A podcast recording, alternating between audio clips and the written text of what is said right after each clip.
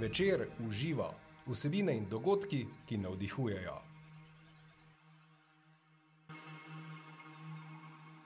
Dobrodošli in dobrodošli v novi epizodi podcasta Večer uživa. Tokrat se bomo zazirali v svet onkraj materialističnega. Zakaj? Zato, ker se šele tam, onkraj znanega, oprijemljivega, varnega, gotovega, če želite, začenja življenje, tisto polno, poživljajoče, zavestno. Z avtorjem knjige Onkraj materialističnega prepričanja, duhovna dramila, vas bomo predramili in povabili, da izstopite iz cone udobja in zaživite. Kako? Vabljeni v družbo pravnika, univerzitetnega profesorja, publicista in raziskovalca življenja. Dobrodošel, dr. Marko Pavliha. Živijo, lepo zdrav. Uh, sem vesel, da sem na nek način v Mariboru, čeprav nisem, vsaj virtualno, upam pa, da bom tudi prej, ko se je analogno. Tudi, tudi mi se že zelo veselimo. Se mi smo imeli z vami že planiran dogodek večer v živo, ki smo ga zdaj predstavili in upam, da ga bomo lahko mal realizirali. Ne? Super, vzdržim besedo, vi pa mene ja. tudi lahko. Tako da se Tako. veselim, kajti uh, Maribor ni samo prelepo mesto, kjer je mimo grede veliko primorcev, ki so se tja preselili pred davnimi leti, uh mhm. -huh. zlasti po letu 1920, ampak imam kar nekaj prijateljev od znamenitega Toneta Partliča. Ja. Uh, Naprej, torej, lep pozdrav vsem, če slučajno kdo gleda in nas posluša, in kmalo nasvidenje v Mariboru. Tako, tako. Kako ste sicer, uh, gospod Pavliha, pravite, da pri vas, ko tole snimamo, pri nas so vsi, pri vas je še sonce, ne? na primorskem? Sonce je in uh, kot uh, pogosto odgovorim na takšno vprašanje, da sem uh, kar uh, malo zadržan, da ne rečem, da me je sram priznati, da sem odlično. Namreč to koronsko obdobje je vsaj meni. Uh, zelo koristilo. Bistveno več časa sem lahko preživel z najdražjimi, torej z najožjo družino in izkoristil čas za ustvarjanje. To je samo ena od, če lahko rečem, koronskih knjig. Prva je bila Mala šola retorike, drugi del, ki so jo napisala z Bogdanom Herman. No, v pripravi, tako rekoč tik pred izidom, sta pa še dve, sicer zelo strokovni morda celo znanstveniki, zavarovalno pravo, pa transportno pravo, potniške pravice. Ampak skratka, to obdobje je bilo za me res uh, nenavadno. Plodovito, ampak hkrati, zakaj pravim, da me je sram to priznati, da sem bil dobro, ker se zavedam številno, številnih tistih ljudi, eh, ki pa neskončno trpijo v tem času. Eh, ne seveda samo umrlih in njihovih svojcev, ampak vseh tistih, ki so prikrajšani za svobodo, ki so prikrajšani za druženje, ki so priklenjeni bodi si na postelje, na invalidske vozičke, eh, v oske prostore, v dome, domove za starejše, in vsem tistim bi rad namenil eh, naslednje besede. Tudi to bo minilo, vse je že minilo, in tudi to bo, obetajo se boljši časi. Obeta se zopet razjasnjeno nebo, tako kot je v vašem ozadju, tudi pri nas je danes sonce in naj morda naj podcast spremlja tudi ta optimizem. Ja, hvala res za te, te, te svetle misli, te spodbudne misli, to rabimo. Uh, to Upam, rabimo. da se tudi vi dobro. Hvala. Hm. Sploh zdaj, ko delam take stvari, v katerih uživam, je, se, se nimam kaj pritoževati vsem dobro. Uh, je zelo pomembno, ne, zdaj, da se še ustaneva pri tem, pri užitku v delu. Ne. Prej ste rekli, um, da vam je kar malce nerodno, oziroma imate slabo vest, ker, ker, ste, ker ste, ste odlično, ker se imate dobro. Uh, To je en od takih, kako ne rečem, predsotkov ali pa nekih omejitev, ki jih naša uh, družba nekako zadržuje v naši glavi. Hkrati pa je ena izmed teh omejitev tudi to, da mi pa moramo pri delu trpeti, pa se naprezati, pa nikakor uživati. Je to en tak ja. zgrešen, eno, eno zgrešena, ne vem, omejitev, breme? To je, po moje, eden od stranskih proizvodov eh, krščanske ali pa protestantske uh mhm. -huh. etike. Eh, morda celo bolj katoliške, čeprav sem seveda v tem duhu vzgojen, ampak naučeni smo, da moramo biti vse čas nekako v vlogi žrtve. Tako, Tako kot pravite, da moramo trpeti, to trpljenje tudi pokazati, oziroma se z njim pobahati. Tako. Tako da bi se bali, da če bo preveč dobrega, da nam bodo seveda ljudje še bolj zavidali, kot nam sicer. Kar je pa tudi zopet, morda še toliko bolj posebnost našega majhnega podaljskega naroda, mhm. da zavist kar kipi. In jaz včasih malo pošalim, je pa tudi nekaj resnice v tem, da smo predelali znameniti Hobsov pregovor, da je človek človeku volk v naslednjega, da je človek človeku slovenec, kar je mnogo huje. In, in žal je tako, ampak če se malo ponorčujemo iz sebe, če smo sposobni malo samo ironije, mhm. je takoj boljše. No, in kar se tiče dela, že starodavni antični pregovor pravi, juvat ipse labor, kar pomeni, da že samo delo razveseljuje. Freud je srečo opisal, uh, da pomeni ljubiti in delati, uh mhm. -huh. in, in mnogi drugi. Ne na zadnje je to Nepavček to prekrasno povedal v verzu, mhm. da sreča ni v glavi, ne v daljavi, ne pod palcem skrit zaklad. Sreča je, če se delo dobro opravi in če imaš nekoga rad. To se mi zdi res eno. Še zdaj sem se naježil, ko to le povem. Ja, ker je, lahko bi rekel, eno od mojih vodil v življenju. No. Ja, krasno. Um, že vidim, da bo to zelo lep pogovor. Ja, uh, ja, uh, gospod Pavliha eh, in vi. Um, Vse ta svoje razmišljanja, ta svoje preseganje tega nekega materialističnega um, sveta, nekih materialističnih prepričanj, ste zbrali v tej omenjeni knjigi, Duhovna dramila. In veste, kaj ste verjetno, ste to večkrat že slišali, da um, je to za uh, strokovnjaka vašega kova, pravnika, ki za pravnike je sploh značilno, da ste nekako zelo togi, racionalistični, da se zazira onkraj, preko, da išče um, neke globlje vi, oziroma više resnice. Um, kdaj vas je to predramno, kdaj ste vi začutili, da obstaja nekaj onkraj tega fizičnega in materialnega sveta? Kaj je bilo vaše prvo dramilo? Je bila to kakšna bolečina? Že v otroštvu. Aha. Namreč uh, imel sem srečo, zdaj se bo slišalo malo paradoksalno, ampak imel sem srečo, da sem zelo bolehen otrok. Uh, veliko časa sem preživel v bolnici, uh, v različnih eh, zdraviliščih. Eh, imel sem težave s pljuči, celo so na trenutek mislili, da imam tuberkulozo, pa se je potem izkazalo, da imam težek bronhitis. Skratka, bil sem precej odtegnen od staršev.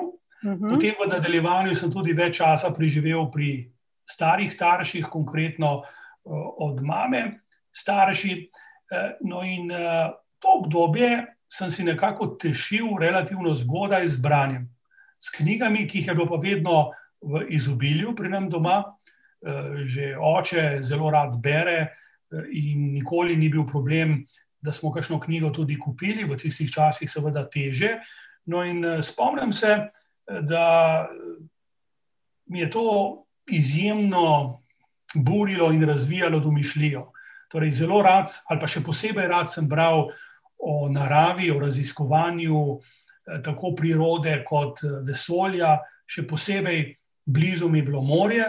Mhm. To je nekako potem v nadaljevanju tudi zaznamovalo moje eh, življenje. No, ampak zanimivo, ker je oče študiral tudi psihologijo, poleg slavistike, sem imel na voljo tudi relativno nenavadne knjige, recimo o parapsiholoških pojavih. Tisto, kar je bilo pa skoraj da prelomno, pa tedaj še nisem vedel, so bile pa knjige od profesorja Antona Trstenjaka, ki so izhajale pri Mohorjevi založbi, ki v tistih časih ni bila ravno čislana pri tedajni oblasti. Se mhm. veste, bili so uh, železni časi, jaz sem letnik 62, uh, uh, stara mama me je na skrivaj nesla k krstu. v Plečnikovo crkvu, zato, ne zato, da ne bi vedeli starši, ampak zato, da preventivno ne bi vedeli, da oče recimo ne bi imel problemov v službi, tako hudo v bistvu je bilo, ampak kakorkoli že. Pri Trstenjaku sem spoznal, da je pa najbolj skrivnostno popotovanje v človeka. Mhm. No, in kasneje je sicer to eh, zaradi različnih okoliščin malo zamrlo. Eh, Torej, v gimnaziji sem se ukvarjal predvsem z glasbo in športom, potem sem moral služiti vojaški rok, še v bivši jugoslovanski armadi, potem pa obdobje študija prava in prve službe, odhod v tujino in vse ostalo. Tako da sem ponovno začutil ta klic iz kozmične zavesti, če želite, da ne rečem, morda od Boga, šele po slovesu iz politike. Meni se je politika čez noč dogodila leta 2004, Ja. Potem sem tam preživel pet let. Ne rečem, da ni bila to zelo dragocena izkušnja, čeprav tudi zelo boleča. No, in uh, potem, pa, ko sem se vrnil domov, če lahko rečem dobesedno, ker sem bil pretežno uh, v Ljubljani in tudi na fakulteto, uh, so me pa uh, tudi zaradi različnih uh, življenjskih preizkušenj, o katerih mogoče lahko rečemo kaj več uh, v nadaljevanju, uh, pa uh, dobre vile zopet zvabile na pota duhovnosti. No, in leta 2010 je šla moja prva tovrstna knjiga, ki bi jo dan danes, seveda, napisal popolnoma drugače, ampak še vedno sem ponosen na njo.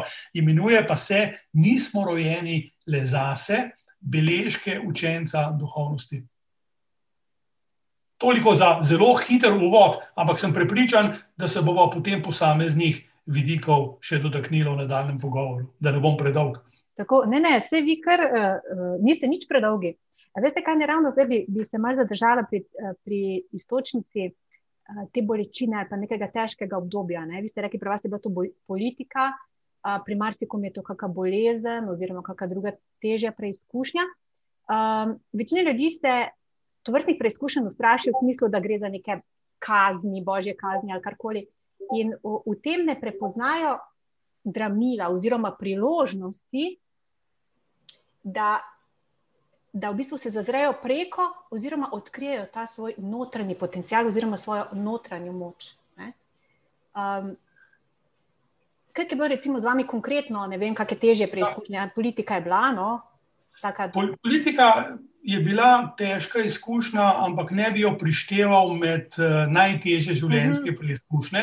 Seveda pač uh, je bila petletka, na katero nisem bil pripravljen, ja. uh, kjer je dovoljeno tako rekoč vse. Uh, tisto, kar sem prej rekel, človek, človek, slovencu, slovenec, ja. ne, je, je seveda še najbolj izrazito v politiki.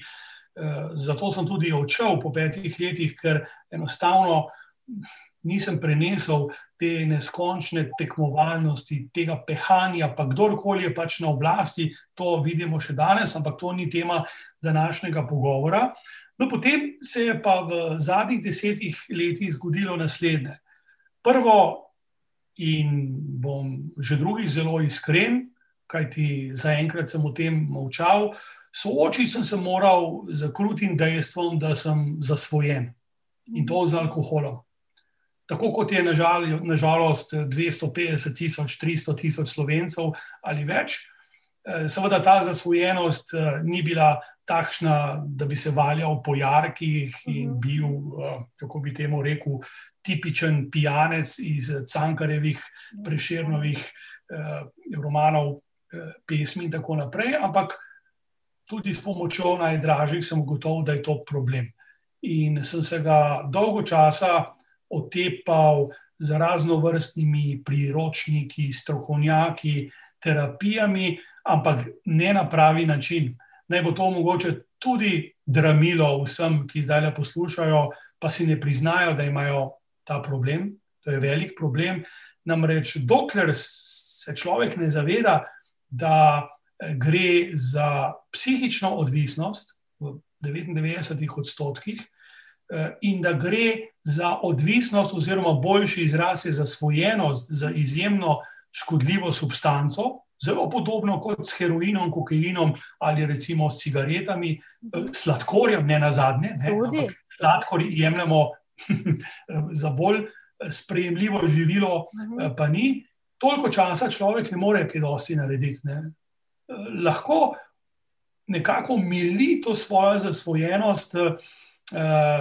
Recimo pri anonimnih alkoholikih imajo navado, da se dnevno dobijo od začetka, da se v bistvu vsak dan znova začne s tem, da človek ne pije. No, pri meni je pa to dozorelo v odločitev, zdaj je že štiri leta od tega, da sem dojel, da prvič, da je to problem, da je to zasvojenost, da je to nekaj popolnoma nepotrebnega in da je to edina možnost, da bom duhovno napredoval, da se ne temu odpovem, da to črtam iz svojega življenja. In zanimivo, ko sem to naredil, sem potem to prebral tudi pri takšnih svetovnih avtoritetah, kot so recimo Wayne Dyer. On je tudi, on je rekel, on se je to lažil s tem, da recimo dve pivi na dan nista preveč, v preteklosti pa bistveno več pil. Ne? No, potem je pa gotovo, da tudi dve pivi lahko pomenita zasvojenost, pa je to črto. Zakaj alkohola ne poznajo, oziroma ga uh, prepovedujejo, recimo budisti, uh, ne na zadnje tudi muslimani in še mnogi drugi. Tako da sem ponosen, da sem tako imenovani T-Totaler. Obstaja celo neko mednarodno združenje in mislim, da bi moralo biti tudi v medijih več propagande, ne samo 40 dni brez alkohola, ampak vselej brez alkohola. In upam, da se bo to razširilo. Ampak vidim, ko včasih kaj takega povem, recimo na Facebooku ali kje drugje, je zanemrljivo malo odmevov, da ne rečem všečkov. Ne? Ljudje ne marajo tega. Ne marajo. In zato pravim, ne želim vam pridigati, ampak dejansko je alkohol nekaj, česa se lahko človek naleze skozi desetletja. Jaz nikoli nisem, recimo, pil zaradi nekih strašnih problemov iz otroštva in tako naprej, ampak ker živimo v tako imenovani mokri kulturi, se s alkoholom prvič srečamo, verjetno tam nekje proti koncu osnovne šole, vsaj moški, ne? pa potem srednja šola, gimnazija, potem pa samo dolivamo, dolivamo, dolivamo. Ne? In to je slabo. Skratka, to je bila prva preizkušnja. Druga je bila zdravstvena, Imel sem relativno lahek poseg na levem kolenu. Za tako imenovano spinalno anestezijo, ki pa mi je povzročila okvaro določenih živcev, tako v hrbtu, kot v desni nogi.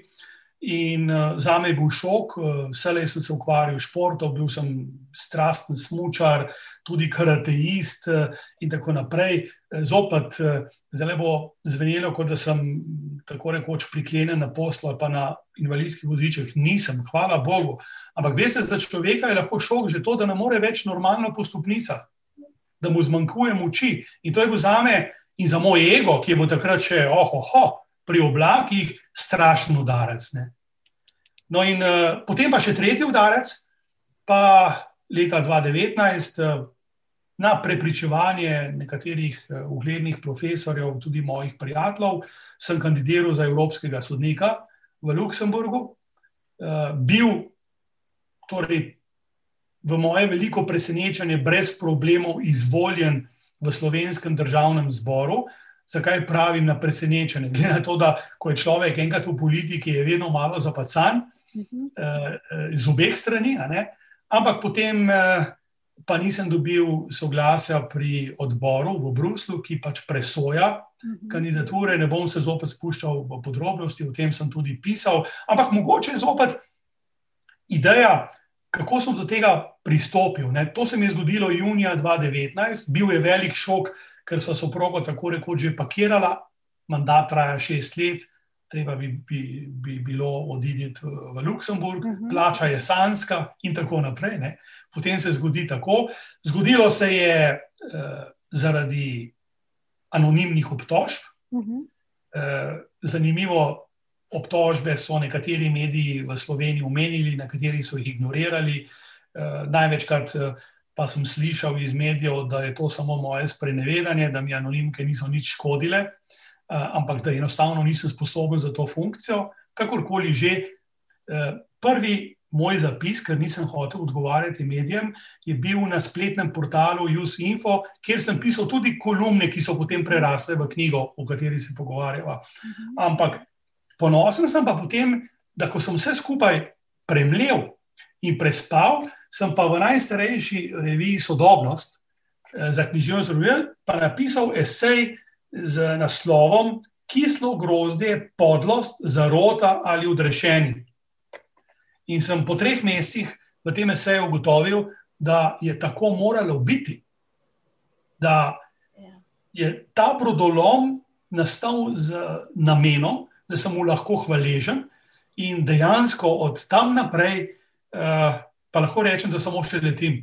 In, in seveda v tem času je nastala ta knjiga, Dramila, in v tem času. Uh, čutim ta kvantni preskok. Čeprav, zopet, če pogledamo celoto, vse ni nič posebnega. Torej, hvala Bogu, nisem doživel neke težke smrti v družini ali pa sam terminalne bolezni, kar mnogi pričajo tudi o tem. Ne. Nisem doživel obsmrtnih izkušenj, nič, torej na prvi pogled, nič takega. Ampak vendarle se ljudje učimo iz trpljenja. No, in ker sem prej omenil budizem, budizem temelji na trpljenju. Trpljenje je samo druga plat sreče. Tako. Tako. Izziv, ne, vse izziv, oziroma uh, trpljenje, izziv pride ravno zato, da obrnemo pogled, da pogledamo preko. Da, uh, zelo lepo bom jaz, sem, da povzamem. Uh, Pater Karl Gežan, uh, ki mi je drugim tudi napisal predgovor k vaši knjigi. Uh, jo je uh, en sam odlomek uh, označil, oziroma um, zem, aha, takole, se je izrazil nekakšen učbenik, vendar ob tem tudi vodnik, ki nakazuje smeri vzpona k celostni uresničitvi. Se pravi, preko bolečin, izzivov, trpljenj. Uh, ne samo sreča, sreča zdaj mi zelo tako uh, pojmujemo kot nek, nek, neko tako stanje vzhičenosti. Gre pa za, za uh, pri celostni uresničitvi, ki jo zdaj vi pravite, ne? vi jo verjetno zdaj živite, glede na, uh, glede na vaše zapise, uh, na to, kar počnete, kakšno so vaše razmišljanja, kako, kako živite. Um, je, uh, ta celostna uresničitev gre torej za neko stanje zavesti, ne? ki presega vse te, uh, od sreče do ne vem, teh, uh, kako ne rečem, uh, ne tako finih, oziroma ne tako subtilnih občutij, kot je recimo to, ta, ta samo uresničitev ali pa neko, neko zavedanje, da, da obstaja nekaj onkraj, oziroma da smo mi, tako kot ste rekli, da smo vodeni uh, z neko višjo zavestjo, oziroma z, z strani Boga oziroma vesolja. Hmm. Ja, eh, to je v bistvu. Uh, Zelo komplicirano, pa hkrati zelo enostavno Tako. vprašanje. Namreč, eh, večkrat slišim, kako pa zdaj, ja. ko si domnevno prerojen, prebojen na višji zavesti. In tako naprej. Včasih, seveda, je to rečeno tudi malo sarkastično, ironično. No, in uh, bom sam samo ironičen.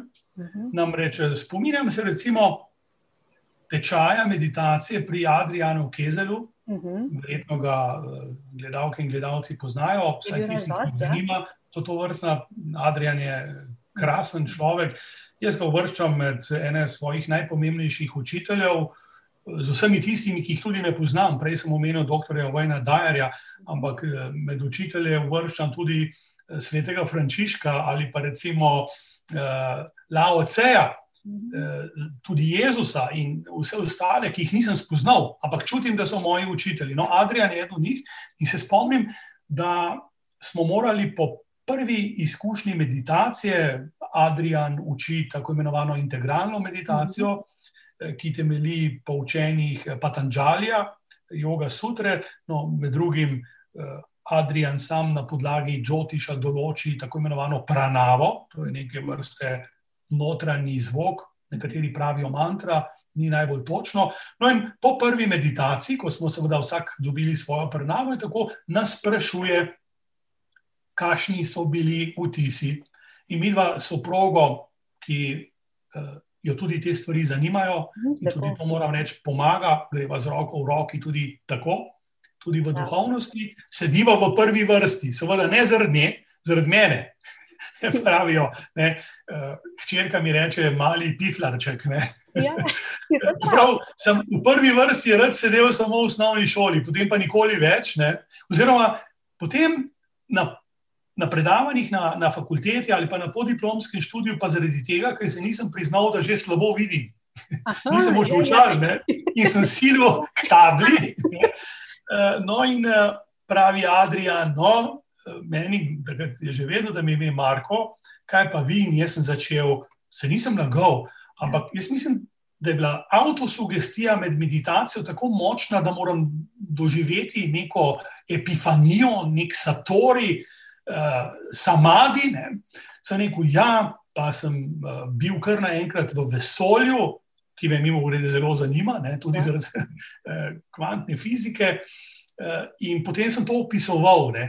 In seveda, cela dvorana, tam je bilo nekaj 30, so me tako zgroženo gledali, ne, kako je možno, da se temu človeku že tako hitro dogajajo te reči. Nekateri so me pa, po moje, gledali malo pomilovalno, češ kaj se pa gre. Mišljuje, In če jaz zdaj gledam nazaj, se gledam tudi malo pomilovalno. To je bil moj ego, ki je ne hote izkoristil nekeno luknjo, prikukal na dan in je v bistvu postal neke vrste ezoterični ego. Češ, poglej, zdaj se bomo šli pa to, ker je to fino, bomo se ukvarjali z zavestjo. In danes ugotavljam, eh, da eh, so to seveda lahko zelo dragocene eh, reči.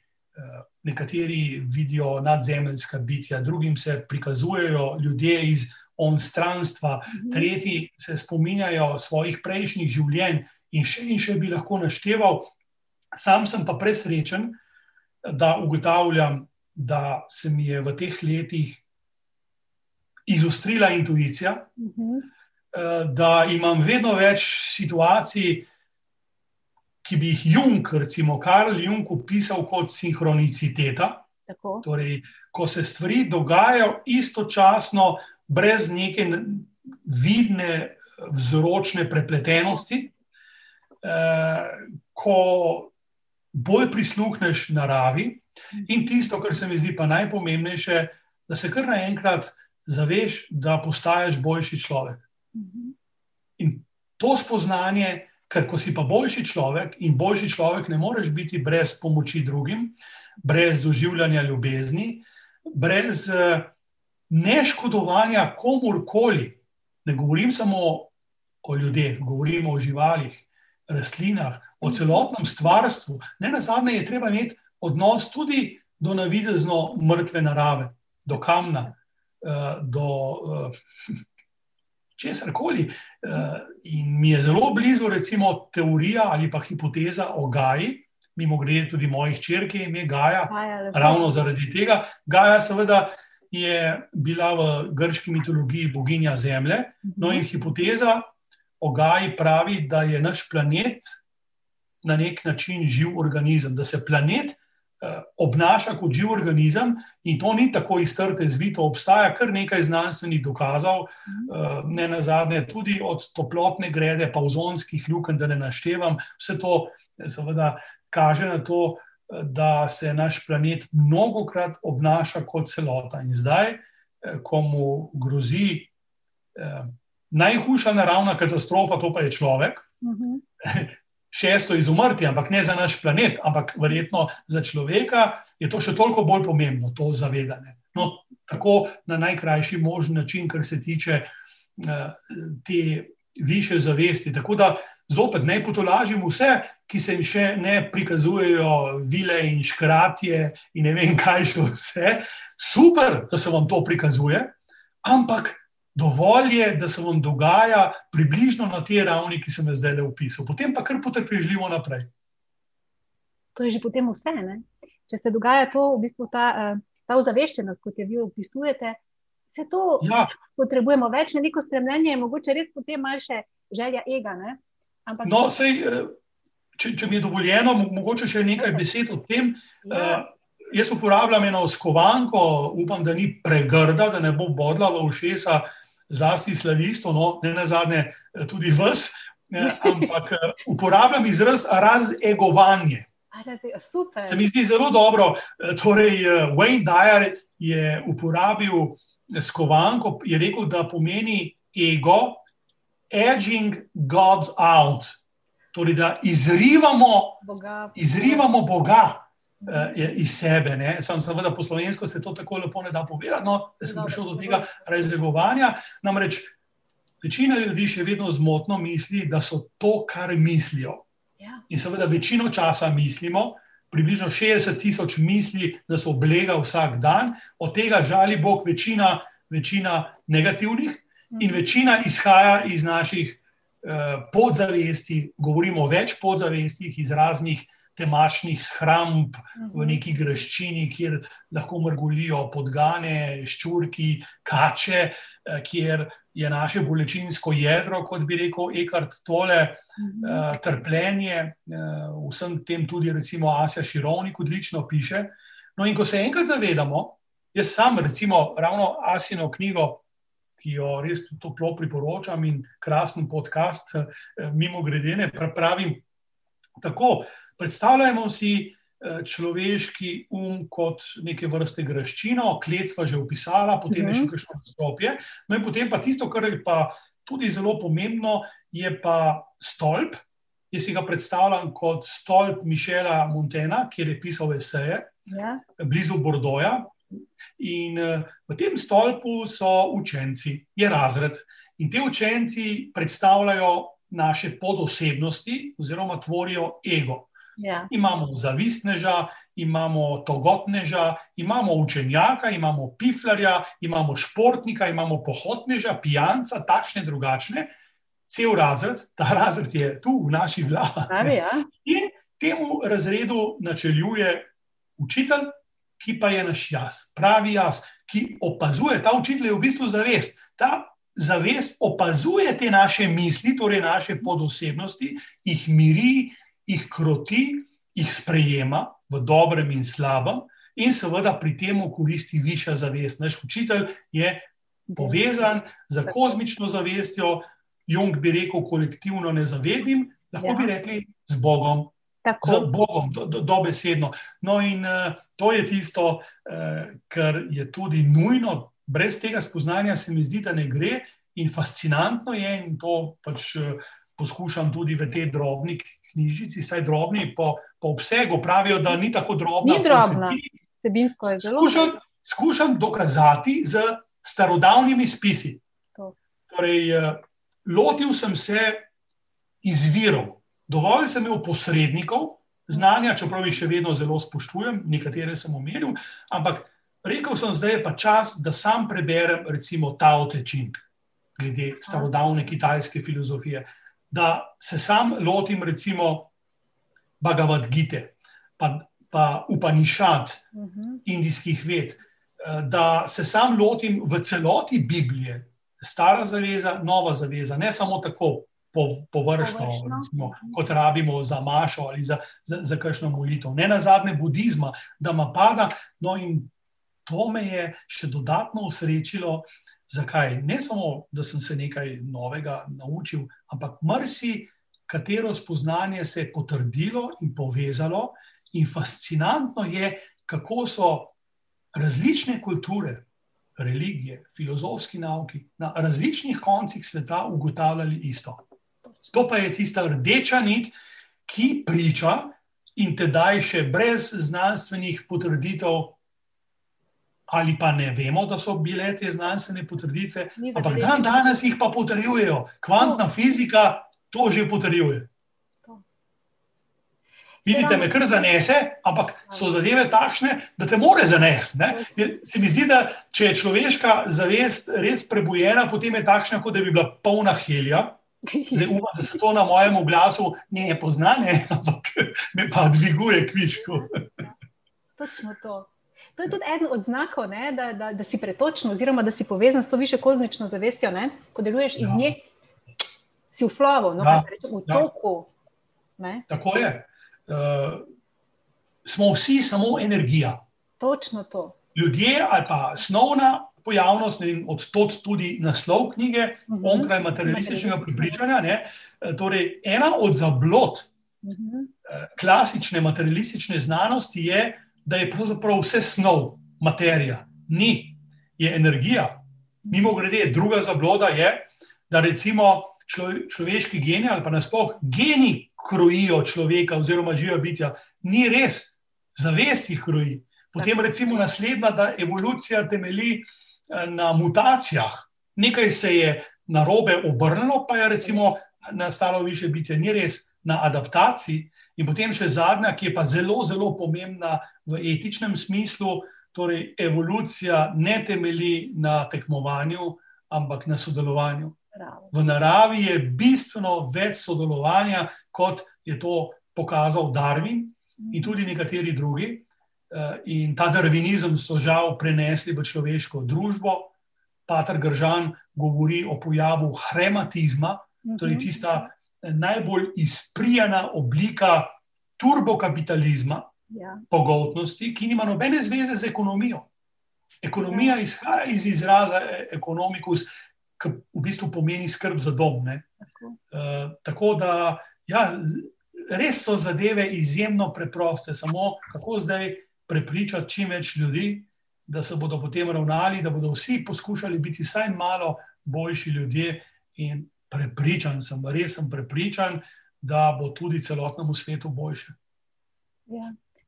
Temu, te točnosti se bomo še vrnili, ampak jaz moram nujno en preblisk, ki me je prišel, ko sem brala vaše eseje oziroma razmišljanja, pa je že te stvari tudi raziskujem 20 let, sigurno. Ampak, ko sem to namera na kupu, uh, te vaše vtise oziroma vaše pisanje, sem rekla, o moj bog, kako mi, kako si mi dovolimo biti umejeni. Ker tudi not, to, to, to, branje vaše knjige, tako ste rekli, dvigne tako razširi. Ne vem, kaj razširi, razširi duha, karkoli, občutek. Uh, kaj je onkraj vsega? In tako ste rekli, govorili, že sveti pis, spisi govorijo o tem, so govorili, mislim, govorijo o tem. Ne vem, kje smo mi potem v mestu pozabili. Sodobna znanost, to z epigenetiko, tako se reče, s kvantno fiziko, dokazuje vse to, o čemer govorite. Ampak mi še kar nekje uh, večina, uh, res priporočam tole knjigo, ne? res večina se še kar uh, zadržuje v teh oskih, omejujočih okvirih, živi v tej materialistični paradigmi oziroma v tem konceptu. Uh, vi pravite, da verjamete, da se bomo začeli prebujati, zdaj verjetno smo malo na prelomu, ta situacija nas drami, ampak uh, hkrati pa tudi vse nekako ob svojem času. Ne? Nismo vedno pripravljeni. Ljudje smo, glede reka, razvoja, da se to grozno sliši, razvoja zavesti, ampak neke stopnje zavedanja zavesti smo si zelo različni. Tu na kupu smo zelo, ko bi zbrani bili v enem razredu, zelo različni predznanjem ne, in sposobnostmi. Mhm. Kaj mislite, kak, uh, kdaj bi lahko uh, se to, da bi, ne, da bi se nekako to nekako zharmoniziralo, da bi bili bolj mhm. Uh, da bi prišel do neke nove družbe, neke nove oblike bivanja. Zelo dobra uh, novica je, uh, bistveno več kot samo neka svetloba na koncu tunela, uh mhm. -huh. da se vse to dogaja že zadnjih sto let, če seveda pustimo ob strani starodavne spise. Mhm. Drugače v starodavnih religioznih ali pa tudi samo filozofskih spisih že tisočletja. Ampak ključen preboj ali pa odskok od kartezijanske paradigme, eh, od eh, René Descartes naprej ja. in Jutna, eh, ki sta seveda izhajala iz ostre ločenosti materialnega, snovnega. Od duhovnega, duševnega, so se v začetku prejšnjega stoletja začeli pojavljati prvi znanstveniki, ki so se ukvarjali z fiziko onkraj. Torej, zagotovo je prve korake naredil Einstein, ampak bistveno pomembnejši v tem oziru pa so recimo Max Planck, potem uh, Heisenberg, uh, Bohr, uh, Schrödinger in mnogi drugi. Vse, kar sem naštel, so dobili Nobelovo nagrado. In te ljudje, recimo Max Planck, so poudarili, da je pravzaprav zavest tisto, kar je bistvo vsega, ne materija. To je prva prelomnica. Ja. Ampak seveda so imeli določene težave eh, v karieri in tudi drugi, recimo naj omenim psihologa Lorenza Kolberga, ki je človeško moralnost razvrščal po stopnjah od predkonvencionalne, pa konvencionalne, postkonvencionalne, in celo potem je prišel do transcendentalne stopnje, ampak je rekel, da je to še dokaj spekulativno. Mhm. Tudi Abraham Maslov je tik pred odhodom v onstranstvo svojo piramido, ki jo menda sicer nikoli on sam ni narisal, ne, piramido mhm. potreb nadgradil z transcendenco. Torej, človek ima po samo aktualizaciji neko potrebo, da sega više. Uh mhm. -huh. In seveda, vsa ključna bivanska vprašanja to potrjujejo. Odkot smo, kaj smo, kam gremo, kako je nastalo vesolje, kaj je to zavest, ali obstaja posmrtno življenje, in, in tako naprej. No, in potem, kako gledam, ne, te ljudje, seveda, so še vedno imeli, tudi če so javno govorili o tem, zlasti na univerzah, drugih znanstvenih institucijah, velike probleme. Potem se v 60-ih letih začne prebujati tako imenovani New Age, ki ga mhm. tudi celo v slovenščini imenujemo New Age, ne? Seveda z določenimi odkloni, spomnimo se eh, celo kriminalnih združb, recimo ja. Ošoja in, in takšnih, o tem lahko zdaj gledamo tudi na Netflixu. Ampak v začetku 70-ih let se pa začnejo pojavljati nove prerojene, prebujene institucije. In naj omenim dve. Prvo je nastal Inštitut eh, za noetične znanosti, to je bilo leta 1973, ki ga je ustanovil ameriški astronaut mhm. Edgar Mitchell. On je bil menda šesti človek, ki je zakorakal po Luni in je dobesedno razsvetljenje doživel na poti nazaj na Zemljo, v tisti majhni kapsuli. Ne? ko je opazoval, to on sam pravi, ta neznatno majhen planetek modre barve, brez meja, kjer ni barv koš, ni naših, vaših in tako naprej. Planet, ki je v neskončnosti. Danes vemo, da je eh, nekaj sto. Uh, nekaj sto milijard galaksij, in v vsaki galaksiji je nekaj sto milijard zvest, ja. takšnih kot je naše Sonce. Ne? Kdo smo potem mi? In potem praktično vsaka zvezda ima planete.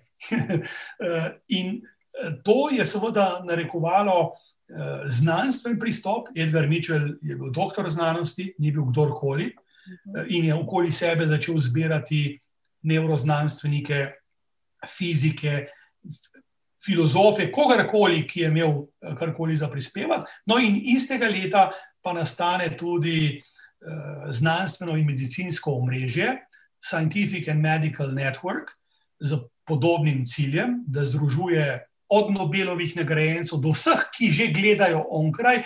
No, in pred nekaj leti so se lotili projekta, ki se imenuje Galilejeva komisija.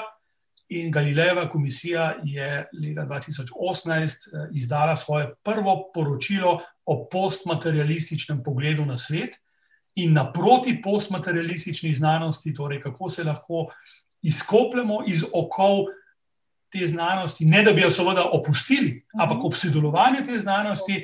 No, in uh, seveda, eno od mojih prebojev, na katerega sem zelo ponosen, je, da so me sprejeli v to komisijo mislim, da pravnikov prav ne mrguli, zaenkrat, kot vem, eh, sem, sem edini, kar je seveda zopet svoj vrsten izziv, kaj ti vidim, da nič ne vem, oziroma vem, da nič ne vem.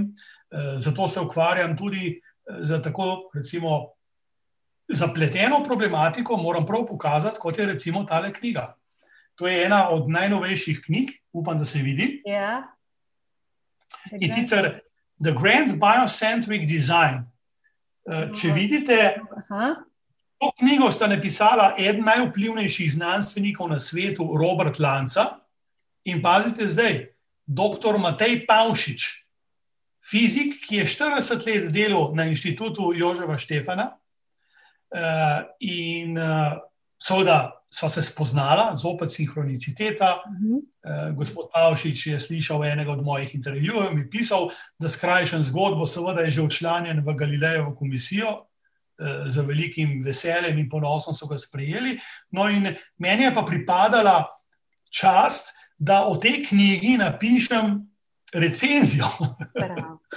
In uh, za, za osrednjo revijo, ki jo izdaja znanstveno-medicinsko mreže, to je The Paradigm Explorer, seveda mi je gospod Matej prijazno pogledal, ni imel ene same pripombe, oziroma eno, en popravek, ki je imel, tako da sem vesel. Uh, no, in uh, to je še en dokaz, da lahko tudi geniji, kot je gospod Lanca in gospod Pavšič, in še drugi, zadeve povejo tako, da jih razumemo tudi budasti pravniki. Na kratko gre pa za to, eh, za še en korak naprej. Kaj je to biocentrizem? Mhm. Pravijo, da je v osredju, v, v, v središču vsega življenje. Torej, na mesto zavesti življenje, ne na zadnje, je seveda tudi zavest tesno povezana z življenjem. Ne spuščajo se še v te uh, prvobitne in najbolj zakomplicirane resnice, kaj je bilo prvo, kokoš ali jajce, torej zavest ali življenje ali kaj. Ne? Nedvomno, seveda, pa je, da zavest ni proizvod možganov, le proizvod možganov. Ne, mhm. ne možgani so v bistvu samo filter, Tako. jasno oddajajo zavest, ampak zavest je širše. O tem bi lahko tudi govorili ure in ure, in z vsem tem se ukvarja Galilejeva komisija. Krasno. Ja, to mi je bila tudi ena najbolj uh, razveseljujočih informacij, ko sem pač prebrala v tej vaši knjigi, o tej komisiji in vseh teh projektih in vseh teh prizadevanjih. Um, zdaj pa, če se še samo malo vrnemo uh, k kvantni fiziki in da malo pojasniva, ki dokazuje tako imenovano kvantno polje. Uh, temu bi lahko rekli tudi ta univerzalna zavest, oziroma tudi peta uh mhm. -huh. dimenzija.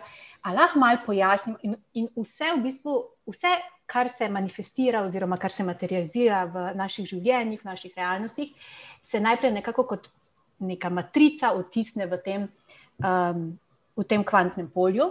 Oziroma, ali, ali nam lahko malo pojasnite, uh, zakaj gre, za kak koncept, oziroma um, za kakšno idejo. Ja, kolikor pač eh, to lahko zmorem eh, s svojim znanjem. Ne? Ampak mogoče je dobro, da ne vem ja. preveč. Kajti, če bi zdaj imeli recimo dr. Pavšiča tule, ali pa dr. Lanco ali kogar, eh, recimo v Galilejevi komisiji imamo tudi Nobelovega nagrajenca, fizika Briana Johnsona, ki je pred kratkim praznoval 80-letnico, potem bi bilo vprašanje, ne, če bi vse razumeli. Ampak bistven odmik recimo, od eh, Einsteinove teorije relativnosti je eh, v opustitvi oziroma v dokazovanju, da lokalnosti dejansko ni. Tako. Da ni ločenosti med eh, prostorom in časom, uh mhm. -huh. da svetlobna hitrost ni najhitrejša hitrost, če lahko temu tako rečem. Zakaj? Ker svetlobna, torej uh, Einsteinova uh, znamenita teorija, ne, EMC kvadrat, uh, splošne relativnosti, je izhajala iz tega, da se lahko tudi najmanjši delec, ne, torej partikel, giblje z največjo hitrostjo 300 tisoč km na sekundo. To je približno svetlobna hitrost, torej 300 tisoč km na sekundo. To pomeni, recimo, da potrebuje svetlobo, ne, ki je sestavljena iz majhnih delčkov, to je po starem pojmovanju fotonov, porabi uh, od Lune do Zemlje eno sekundo. Torej, mi se ne zavedamo tega, mi pogledamo Luno in pa jo vidimo. Ne? Ampak dejansko je minila ena uh, sekunda lokalnost. Uh -huh. Od sonca, recimo, svetloba potrebuje 8 minut. In da ne govorimo potem, ko govorimo o svetlobnih letih, in, in, in bi lahko še eh, naštevali. No, kvantna fizika pa dokazuje, eh, in eh, je bilo seveda kar nekaj poizkusov, da so delci, najmanjši delci, prek energije, ker seveda se pojavljajo zlasti kot energija, tako tesno povezani, Eh, da se lahko sprememba v enem delcu odraža tudi v drugem, poprej sta bila pa nekoč združena, svetlobna leta dlje. Mhm. Torej, dogodi se istočasno. Kar pomeni, da je teorija eh, lokalnosti postavljena na glavo, in če to potem povežemo z takšnimi pojavi, eh, kot so recimo telepatija mhm. ali pa jasnovidnost, ne na zadnje, eh, tudi mediji, ki imajo stik z onstranstvom, in tako naprej, je to lažje razumljivo. Mhm. Ker te lokalnosti ni več, ker nismo več omejeni z svetlobno hitrostjo. No, in če temu dodamo še en zelo pomemben faktor, ki ga je klasična fizika zanemarjala, namreč vlogo opazovalca. Ja. Opazovalec vpliva na recimo, eh, obnašanje elektrona. Tudi kvantna fizika se ne predstavlja več atoma, tako kot smo ga risali v osnovni šoli. Ne? Če se predstavljamo, ne, mhm. jedro, pa potem orbite, ne, po katerih krožijo organ, ampak dejansko je novodobna slika uh, atoma kot pač uh, neka okrogla senca, bi lahko rekli, ne, kjer se lahko vidi elektron, ali pa tudi ne, odvisno od opazovalca. In to seveda vse dokazuje uh, neko kvantno polje. Uh -huh. uh, lahko bi govorili o več kvantnih poljih. Uh, obstajajo teorije o usporednih vesoljih, uh -huh. obstaja teorija uh, strun in tako naprej. Uh, tudi če, če se človek pogovarja z uh, genialnim kvantnim fizikom, bo takoj na začetku priznal, da mu še mnogo kaj ni jasno.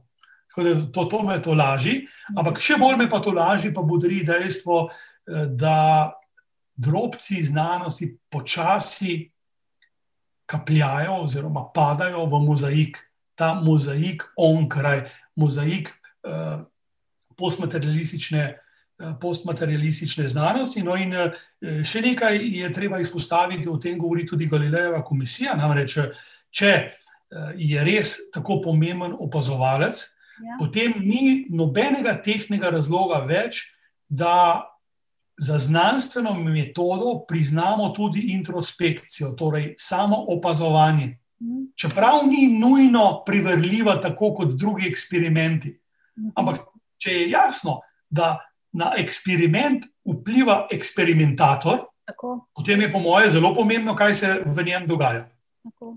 In če imamo na tisoče eh, res solidno dokumentiranih eh, dokazov in tudi uh, raziskav, naprimer o obsmrtnih izkušnjah, je mhm. potem očitno nekaj je na tem.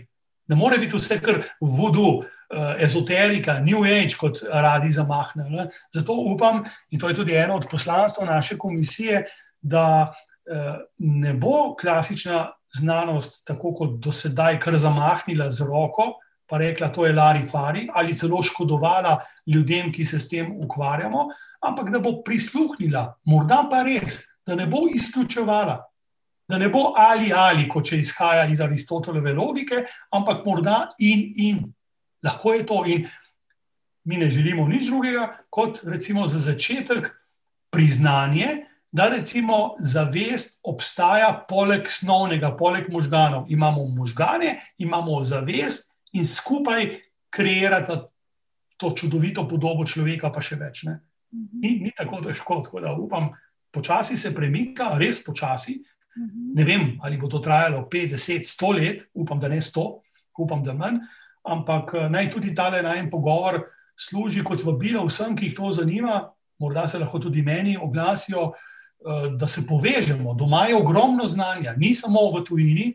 No, in naj povem, da planiramo, da naj bi bil leta 2023 eh, simpozij Galilejeve komisije oziroma znanstvenega medicinskega omrežja v Sloveniji. Bravo.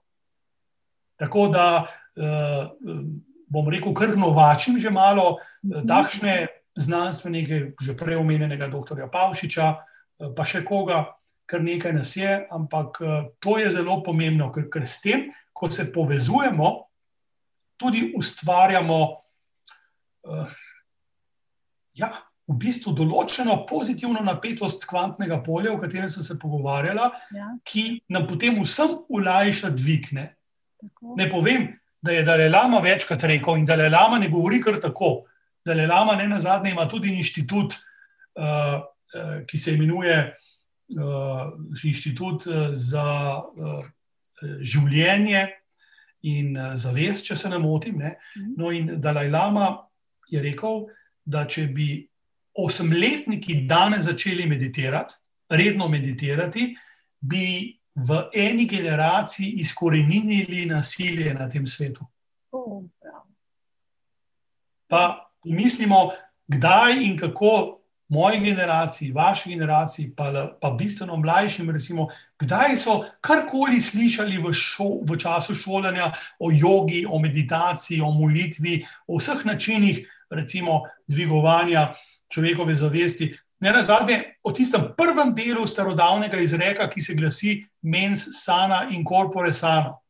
Zdrav duh v zdravem telesu. Mi pa ta izrek jemljemo prvenstveno samo športno, ne? Pa gremo na maratone, pa na ja. golf, pa ne vem, kaj še vse. Zato pa potem človeka pri 50 letih zadane infarkt, ne? ker misli, da bo z tem mondenim udejanjanjem in Bravo. aktivnostjo Bravo. sebe popravil čez noč. Ne, žali Bog, ne bo, ne bo šlo. Ja. Tudi sauna ne bo pomagala, če ni ničesar več. Tako. In če komu rečeš, da meditira, obok ne da, nimam časa. Ne? To je res, to je, to je res uh, žalostno smešen ja. izgovor, kajti če človek nima recimo, vsaj ene ure na dan, pa to je ena ura, je že veliko. Recimo v mojem mhm. primeru začnem zjutraj z meditacijo, ki traja vse skupaj, recimo malo manj kot pol ure, pa mhm. potem še tibetanske vaje ali tibetanska yoga, pa to pa je recimo, uh, ne vem, skoraj da ena ura mimo. Pa potem še zvečer ena meditacija. Ampak recimo, da si vsak dan vzamem malo manj kot dve uri samo zase, v 24 urah za božjo voljo, če si to ne zaslužimo, in če temu dodamo še zelo resnično spoznanje, da je predpogoj za katero koli ljubezen, da ljubimo sebe. Seveda ne na narcisoiden način, ampak da se imamo radi, takšni kot smo. Potem je pa treba delati na tem, ker to res ne pride kar tako. Oziroma, ja, pride, ampak pozabimo. Mi, ko se rodimo, se imamo že radi, tega sicer še ne vemo, ne? ampak se imamo neskončno radi samo potem pa nam družba, ta epigenetika, okolje nam nekako to zradira in moramo dobiti nazaj. Se v bistvu z duhovnim zorenjem pridobivamo vse to, kar smo že imeli v maternici in seveda recimo v prvih letih našega tozemskega življenja. Prvih sedmih, pravi, da se spominjamo nazaj. Ja, ja, prvi, ja. Prva sedma leta so res izjemno pomembna. In, uh, danes gledam nazaj, kaj vse bi lahko še, recimo, storil za svoje otroka. No, in zdaj sem seveda že v tistih letih, ko se z ženo pogovarjava, pa rečeva, ja, bo pa še kaj dodatno pri vnukih naredila, če bodo, ja. ne, upam, da bodo. ja, seveda. E, zelo lepo, kako se znamo, tukaj vam družina zelo sledi. Reka sledi, ali pa ste zelo vzajemno tukaj sodelujete ja. v tem konceptu življenja. Ne, oziroma... vsi, se, vsi se ukvarjamo vsi se ukvarjamo z duhovnostjo. Uh, in uh, res, da sem mogoče bil jaz začetnik, ja. ampak potem smo ugotovili, uh, še posebej v zadnjem letu, ker tako je naneslo, uh, da smo bili zopet zaradi nesrečnih okoliščin kar precej časa pod isto streho. Mhm. Drugače sta otroka, seveda, že odrasla, sin dela v Milanu, hčerka v Bruslu.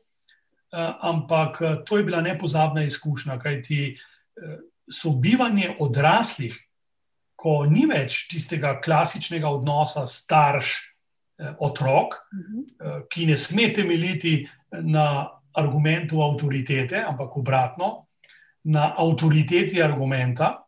Na dogovarjanju, na sodelovanju, to je bilo pa izjemno. In smo pri, primerjali različne prakse, recimo, sin meditira na svoj način, uh, mi trije, hčerka, žena in jaz po metodi Adriana Kezela, potem uh, sam počnem še druge reči, sin tudi. Skratka, tako se krasno dopolnjujemo in ne tekmujemo več, kot smo mogoče od začetka. Ja, moja metoda je pa boljša.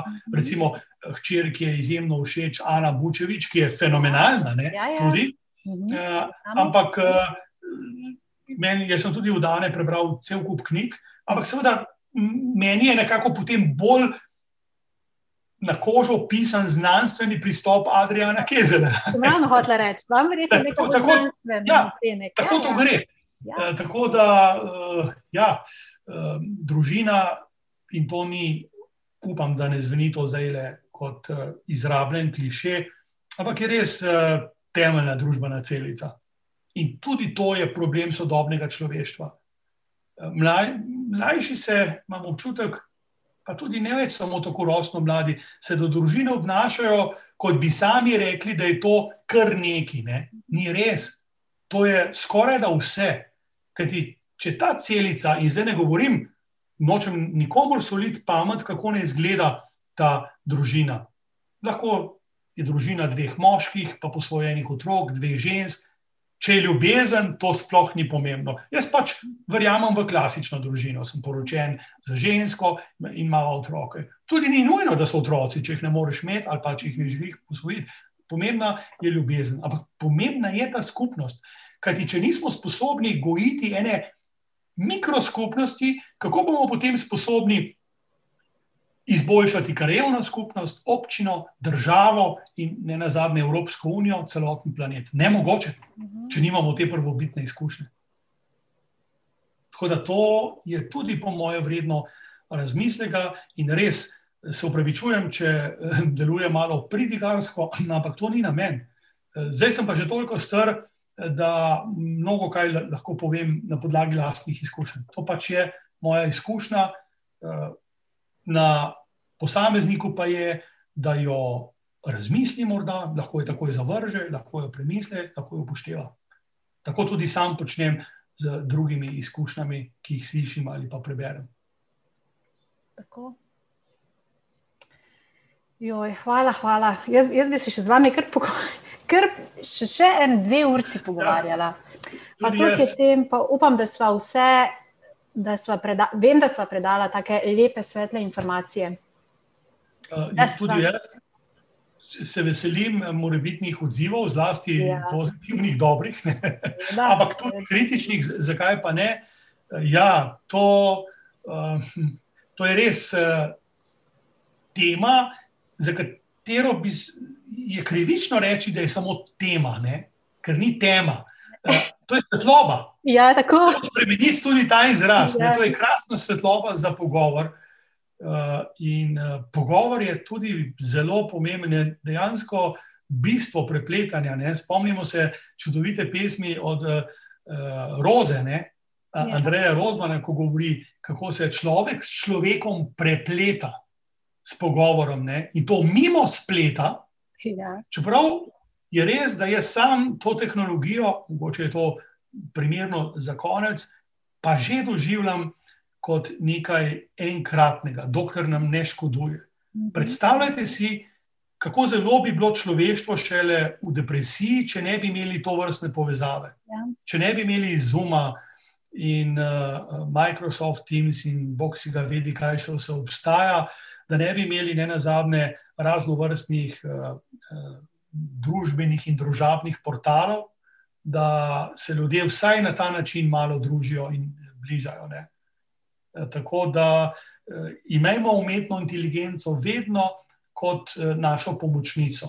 Pravim tako, da če bo komplementarna človeku, sjajno, nikoli pa ne sme umetna inteligenca postati naša alternativa. Ker če bo naša alternativa, potem se nas bo prej, ko slej naveličala, kajti človek je, žali Bog, zelo samodestruktiven je v bistvu uničevalen do sebe in do narave. In umetna inteligenca tega ne bo dopustila. Torej, imejmo jo uj- ujeto, imejmo jo za prijateljico, ampak za to, seveda, je pa potrebna višja zavest in etični, moralni preporod. To je bila zdaj taka sinhroniciteta, ravno sem hotela reči, prebojen človek in ne bo nikoli zlorabljal, ne? mu bo vedno služila. Ja. In vedno jo bo tudi tako ustvarjal, Tako, da ga ne bo ona zlorabljala. tako. ker ne bo nobene potrebe, kajti te mehanizme, seveda, je možno ugraditi. Toliko se že spoznam na, na te reči, da vem, da človek sam ali dovoli, da se algoritmi začnejo učiti drug od drugega, to je še v redu. Ampak če jim pa dovoli, da začnejo pa res po svoje kreirati, in to se je že dogajalo, kar nekaj programov so morali po domače povedano ugasniti in uničiti, mhm. če so jih res. Ne? To je pa ja. drugo vprašanje. Ampak ja. bodimo, bodimo optimisti, da sam sem optimist, ja. sem prepričan, eh, da bo človek, tako kot vedno je skozi zgodovino, tudi eh, tokrat, morda v zadnjem trenutku, ampak da bo spoznal, kje je tista prava pot k višku. Ta bo zagotovo. Informacije in ljudje, kot ste vi, pa k temu pripomorejo. Ne? In takšni kot ste vi, da povabijo ljudi k pogovoru, ja. da širite, seveda, in to je res nekaj, kar me bodri in hrabri. Ja, mi pa z veseljem. Hvala lepa, res. Uh, doktor Marko Pavliha, za konec pa še eno vprašanje, uh, s katerim bomo zaključili pogovor. Vsakega sogovornika vprašam, um, uh, moto oziroma sloga naših podkastov je vsebine in dogodki, ki navdihujejo, zdaj bi lahko rekli tudi prebujajo po najnem pogovoru. Pa mi povejte, kaj vas v življenju navdihuje, vse smo že slišali, ampak vseeno pod črto, pa vam razpira krila. Zagotovo ljubezen, ki jo utelešajo zlasti tri osebe, Ester, Gaja, Ana, Benjamin, eh, potem eh, knjige uh, in jasno drugi pošteni, iskreni ljudje.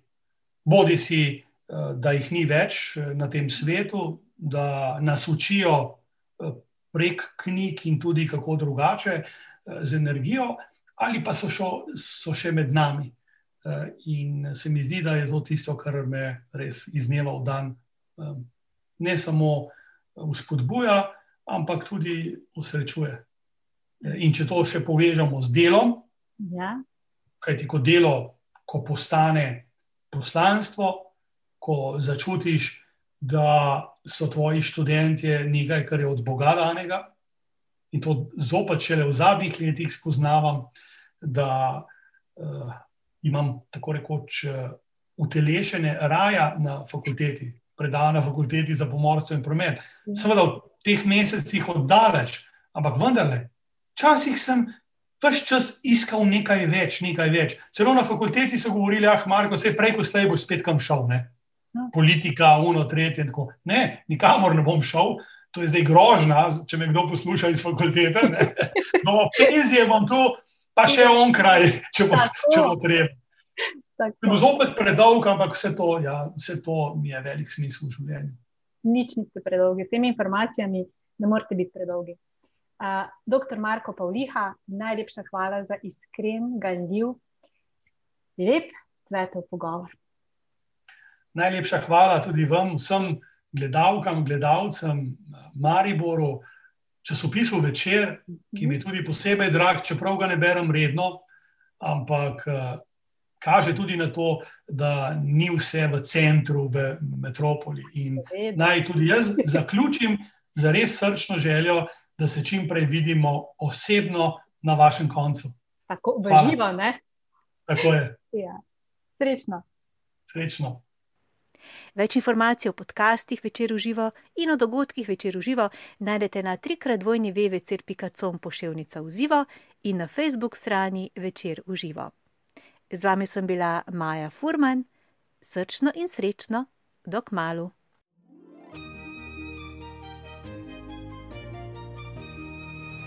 Večer uživa vsebine in dogodki, ki navdihujejo.